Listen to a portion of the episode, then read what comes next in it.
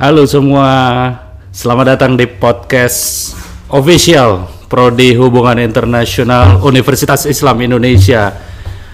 Kita namain segmennya apa ya? Ngobrol-ngobrol nih. Ngalir, nah, ngalir, ngobrol ala IR. Baru dapat nih spontan. Oke, sama saya Geradi Udistira. Saya adalah dosen di Hubungan Internasional Universitas Islam Indonesia dan di depan saya ada salah seorang pengamat politik luar negeri Cina di Asia. Ada Mas Dr. Zulfikar Rahmat. Say hello. Halo, assalamualaikum. Waalaikumsalam warahmatullahi wabarakatuh. Mas Zulfikar Rahmat, kita ngobrol-ngobrol karena Anda adalah seorang em, pengamat politik luar negeri Tiongkok di Asia. Saya pengen tanya kenapa Anda tertarik meneliti Tiongkok, terutama Tiongkok di Asia. Ya. Sebenarnya nggak sengaja sih. Iya, hmm. Jadi waktu saya dulu ngambil S1 di Qatar, mata kuliah pertama yang saya ambil itu freshman seminar. Hmm, Dan di situ dosennya itu minta kita buat punya fokus ke satu negara, tapi negara itu tuh nggak boleh eh, negara dari mana kita berasal. Hmm, Saya berarti nggak bisa milih Indonesia gitu kan. Oke, oke. Nah, jadi saya bingung teman saya udah milih terus karena beliau kebetulan dosennya adalah ahli di bidang Tiongkok Hmm. ya udah kamu fokusnya Tiongkok aja Hmm. terus habis itu udah aku bawa aja Ke sampai, bawah aja. sampai eh, sekarang ini Yang menarik apa sih dari Tiongkok itu? menurut saya yang menarik dari Tiongkok adalah pertama emang dia lagi ngebet banget buat heboh lah di Hmm, dunia ini. Itu yang pertama. Yang kedua adalah selalu dikagetin gitu loh. Hmm. kayak langkah-langkah yang diambil oleh Tiongkok itu kadang unexpected. Kita nggak pernah kok gitu gitu Hmm. padahal kemarin gitu hari ini kayak gitu gitu Hmm. jadi emang ngagetin terus gitu Ini emang apa ya sebuah gejala sebuah negara yang pengen jadi besar atau gimana? Atau memang Tiongkok emang dari dulu gitu? Kalau menurut saya eh, beberapa tahun belakangan ini sejak Xi Jinping naik jadi presiden tahun dua- 2012 Hmm. itu memang dia lebih agresif ya. Hmm. Secara politik luar negeri goalnya lebih tinggi. Dia Hmm. pengen sebenarnya kalau menguasai dunia enggak, tapi Hmm. dia paling enggak pengen punya image bahwa Cina itu luar biasa Hmm. gitu. Cina itu gede banget. Hmm. Cina itu bisa kembali seperti dulu. Kalau kita lihat sejarah abad ke-18 itu Cina kan major power Hmm. di Asia ya. Yang namanya East Asian Tributary System. Hmm, Jadi emang dia itu Cina waktu itu nomor satu lah ya. Hmm. Kemudian dia kalah perang sama Eropa, akhirnya turun turun dan jatuh. Hmm, Dan Cina akhirnya menjadi negara yang tertutup sampai tahun 79 ketika Deng Xiaoping ada reformasi ekonomi kemudian Cina mulai tumbuh lagi menjadi sampai sekarang ini walaupun sebelum Xi Jinping itu lebih ke hati-hati pelan-pelan Hmm, hmm, soal politik luar negeri tapi sejak Xi Jinping ini mulai wah dan emang langkah-langkahnya mulai kelihatan dan apa namanya ya mulai kita bisa bilang mulai agresif lah Mulai agresif, oke. Termasuk di negara kita ya kemarin kan soal Natuna, itu kan luar biasa heboh gitu. Emang apa ya? Gimana sih hubungan Cina Indonesia itu selama ini di mata Mas Fikar?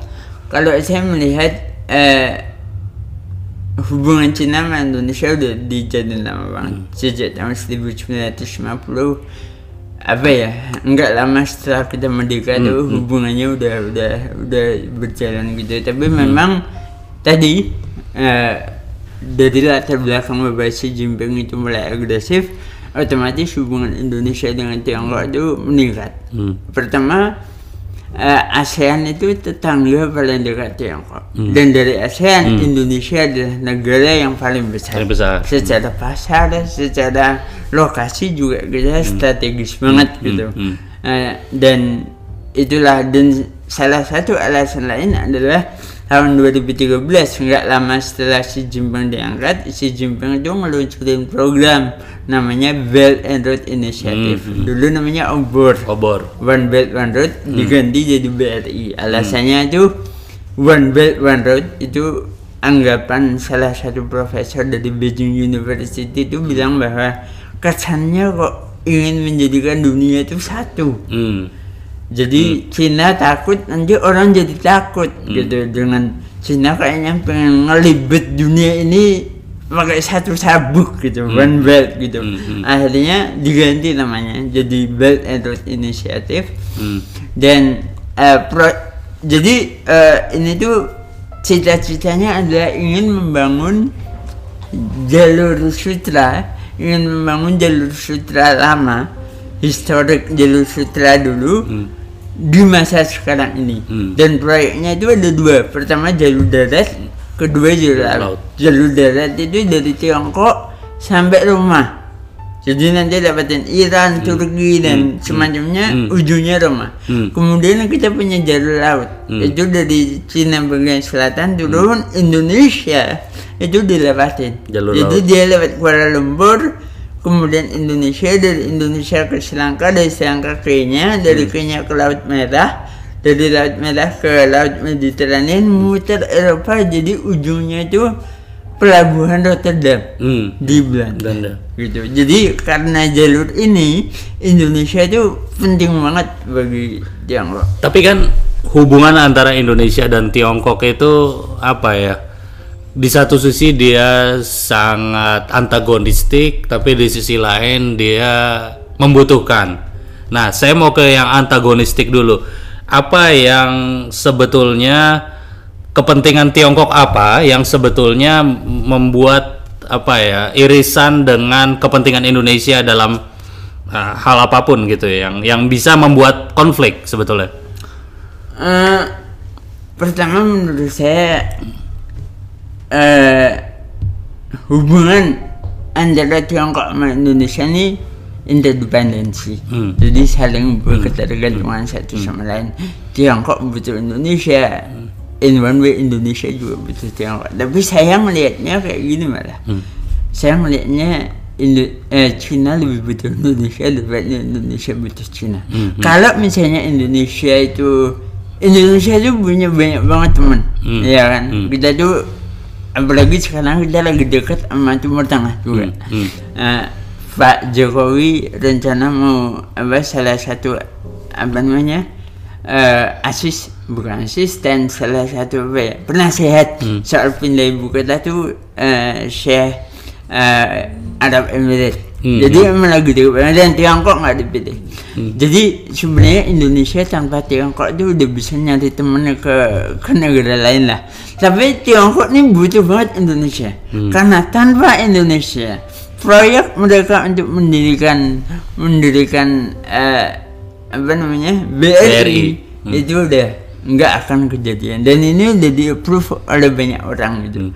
Ini yang pertama. Jadi kalau misalnya nih Indonesia agak reluctant soal BRI, Indonesia agak gimana soal BRI ini tuh Cina itu akan khawatir banget. Mhm. Dan eh, sejauh ini sih saya melihatnya Indonesia belum menunjukkan sikap yang yang khawatir. Bahkan Indonesia itu kayaknya welcome welcome banget. Mhm. Walaupun menurut saya approach kita terhadap Tiongkok itu agak kurang benar menurut saya. Apa tuh yang kurang benar? Jadi eh, pertama kita tuh belum tahu Tiongkok itu tingkah lakunya kayak gimana itu belum tahu. Itu yang pertama. Contohnya, Hmm.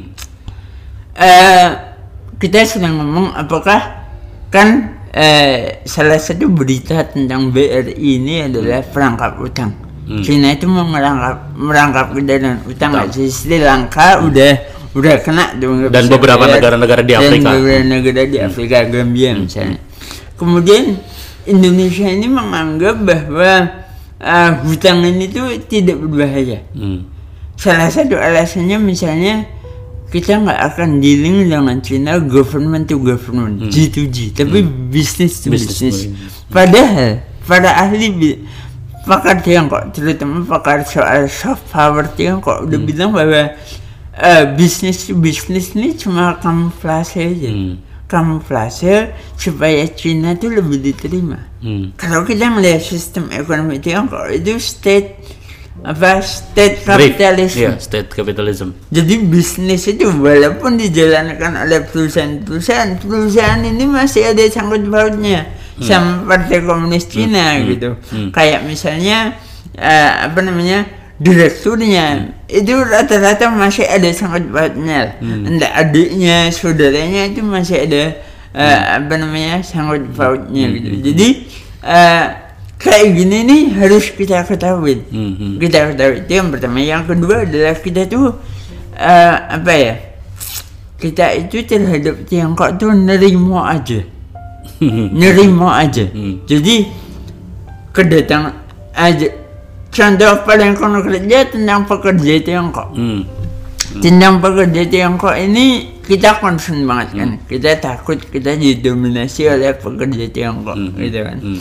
Eh, dan membawa pekerjanya sendiri itu udah tradisi di Tiongkok. Oke. Salah satu proyek terbesar Tiongkok itu di Saudi Arabia. Hmm, hmm. Kereta antara Mina di Mek- ke, ke Masjidil Haram Hmm, di kota Makkah. Hmm. Heboh waktu itu. Hmm, hmm, Pemerintah Saudi Arabia gimana nih? Masa pekerja Tiongkok yang bukan Muslim Hmm. akan masuk ke tanah suci, Hmm, hmm, gitu kan? Iya, iya, iya. Apa yang dilakukan Tiongkok? Dimuslimkan dulu lagi, jangan-jangan. Tiongkok melakukan propaganda. Jadi dia eh, kerjasama dengan salah satu stasiun televisi di Saudi Arabia. Iya. Kerjasama buat ngadain acara talk show Hmm, Chinese converting to Islam. hmm, hmm. Tiap hari ada 100 C- orang Cina masuk Oh Islam. benar ternyata dugaan saya. Dan itu beneran. Dan itu sampai orang nggak percaya masuk sih. Dan itu salah satu cara Cina untuk untuk mendekati Saudi Arabia. Tapi Saudi ini pintar. eh, eh. Akhirnya salah satu proyeknya Hmm. yaitu proyek pembangunan alat refinery di Laut Merah.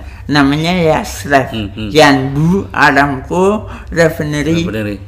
itu se- awalnya Tiongkok mau membawa 100% pekerjanya dari Tiongkok. Hmm, hmm. Orang Saudi suruh duduk, Duduk aja aja. lah. Hmm, Orang Saudi nggak mau. hmm, hmm. Akhirnya mereka negosiasi. Hmm. Sekarang 80% orang lokal, 20% orang Tiongkok. Oke. Itu artinya apa?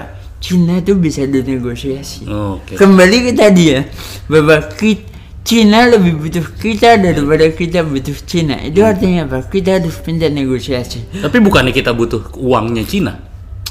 Kita butuh tapi I see it this way mas. A- Aku melihatnya bahwa nggak harus dari Cina. Gitu. Hmm. Banyak banget kok teman-teman kita. Kalau kita mau temenan ya, misalnya kita dekat, kita Jokowi lagi dekat sama Arab Emirates, itu duitnya juga meskipun gitu. Hmm, hmm. Emang emang kita kita ngandelin Tiongkok, utang Tiongkok. Ini emang in one way agak-agak itu juga kayak kasus Natuna kemarin kan kita mau keras juga kita masih ngutang ke dia gitu. Terjebak. Oke. Kita tahan dulu. eh, Kita akan lanjutkan lagi setelah sesi berikut ini.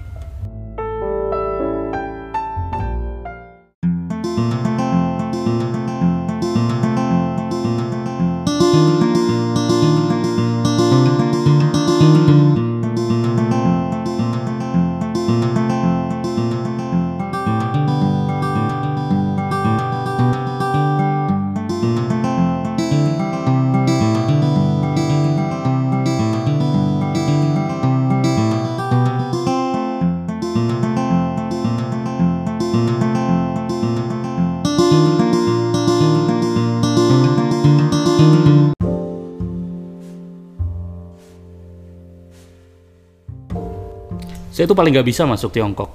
Kenapa? Karena nama saya berubah kalau Kenapa? masuk ke Tiongkok. Nama saya kan Gera. Kalau masuk Tiongkok nanti jadi Kera. Wushu Kera. Oke, Mas Fikar masih bersama saya Geradi dan Fik, Mas Fikar di sini kita akan ngomongin banyak soal Cina lagi. Eh, Mas Fikar, apa sih yang Mas Fikar lihat waktu Natuna kemarin sebetulnya? Eh, ini ini tadi. Hmm. eh, langkah Tiongkok itu unexpected. Unexpected.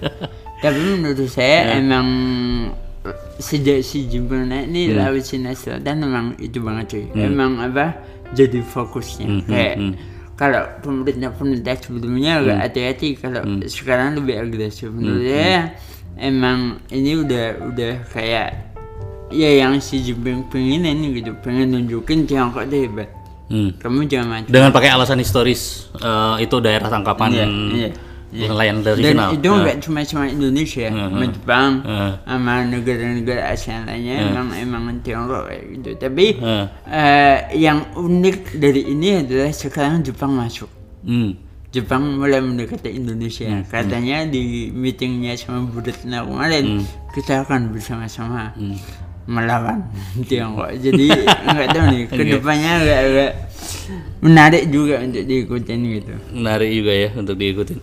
Eh, sebenarnya langkah apa ya? Misalnya kayak eh, kenapa sih si Indonesia tuh sama Tiongkok itu kayak kayak dipelet gitu loh, kayak senang banget gitu. Kita kita lihat pertanyaan pernyataan-pernyataan menteri-menteri kita, terutama adalah satu menteri segala urusan itu kan eh, seolah-olah kayak udahlah jangan di jangan di inilah, udahlah jangan dilawan lah, udahlah ini kita bahas bersahabat. Bahkan sampai men- salah satu menteri yang bekas capres pun yang tadinya keras jadi lunak gitu sama Tiongkok. Ini ada apa? Tiongkok punya apa sebenarnya? Dia punya dukun kah? Dia punya apa kah? Dia punya pelet apa gimana? Oke, sebelum saya jauh ke sana, Eh. menarik untuk ngomongin menteri segala urusan. Eh, eh. Dan menurut saya itu adalah salah satu approach Hmm. Kita yang salah terhadap Cina. Kenapa dia? Hmm, hmm. Ini namanya ekonomi investasi. Kenapa menteri segala urusan ini Hmm, hmm. yang yang main gitu? Kenapa dia menteri maritim yang malah maju ke depan untuk ngomong ke Tiongkok gitu? Itu itu juga salah satu kesalahan. Oke, kembali kenapa Indonesia sama Tiongkok tuh kayaknya temenan banget seakan-akan Indonesia dipelet gitu kan.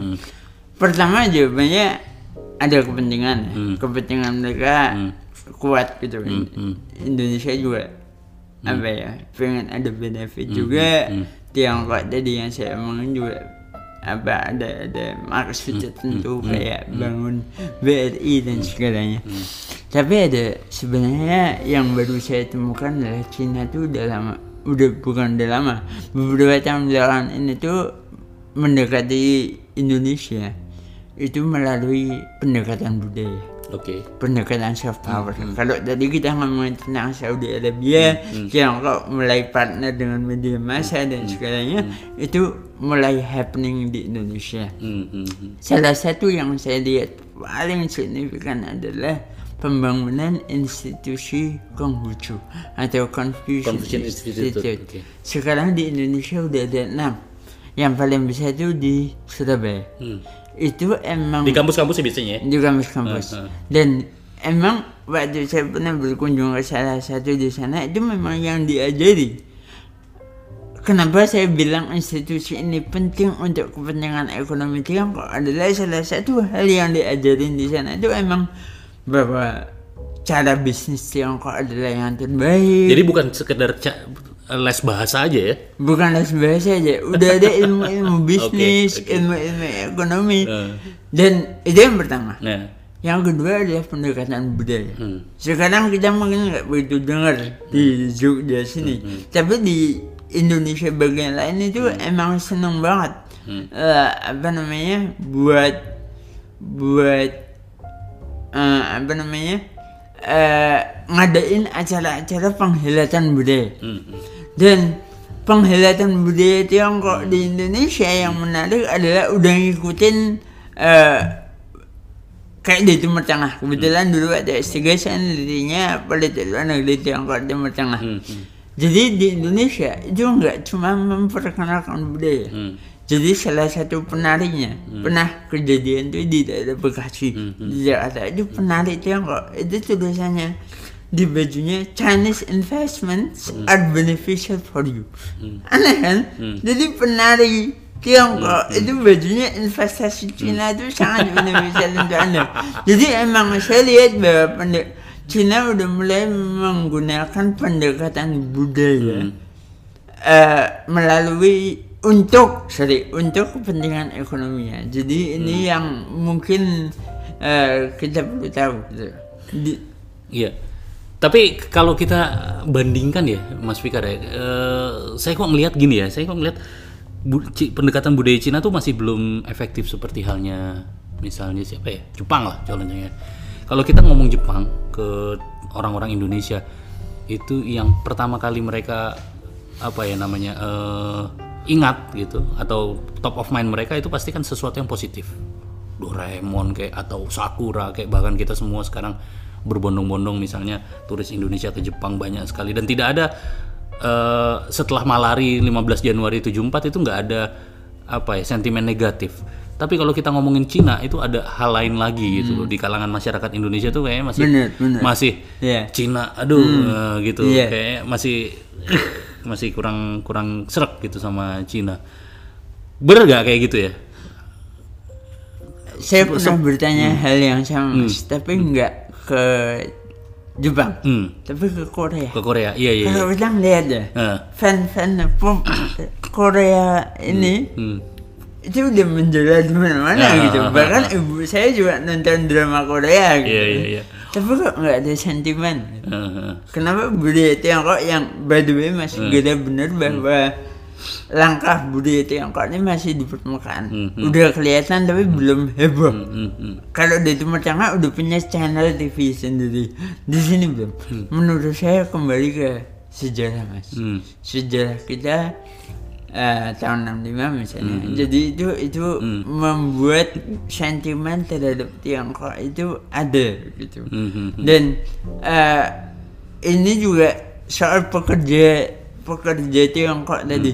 Sebenarnya jumlahnya itu tidak sebesar yang kita bayangkan. Iya, iya, iya, iya. Bahkan kita lebih banyak mengekspor pekerja ke luar negeri daripada menerima.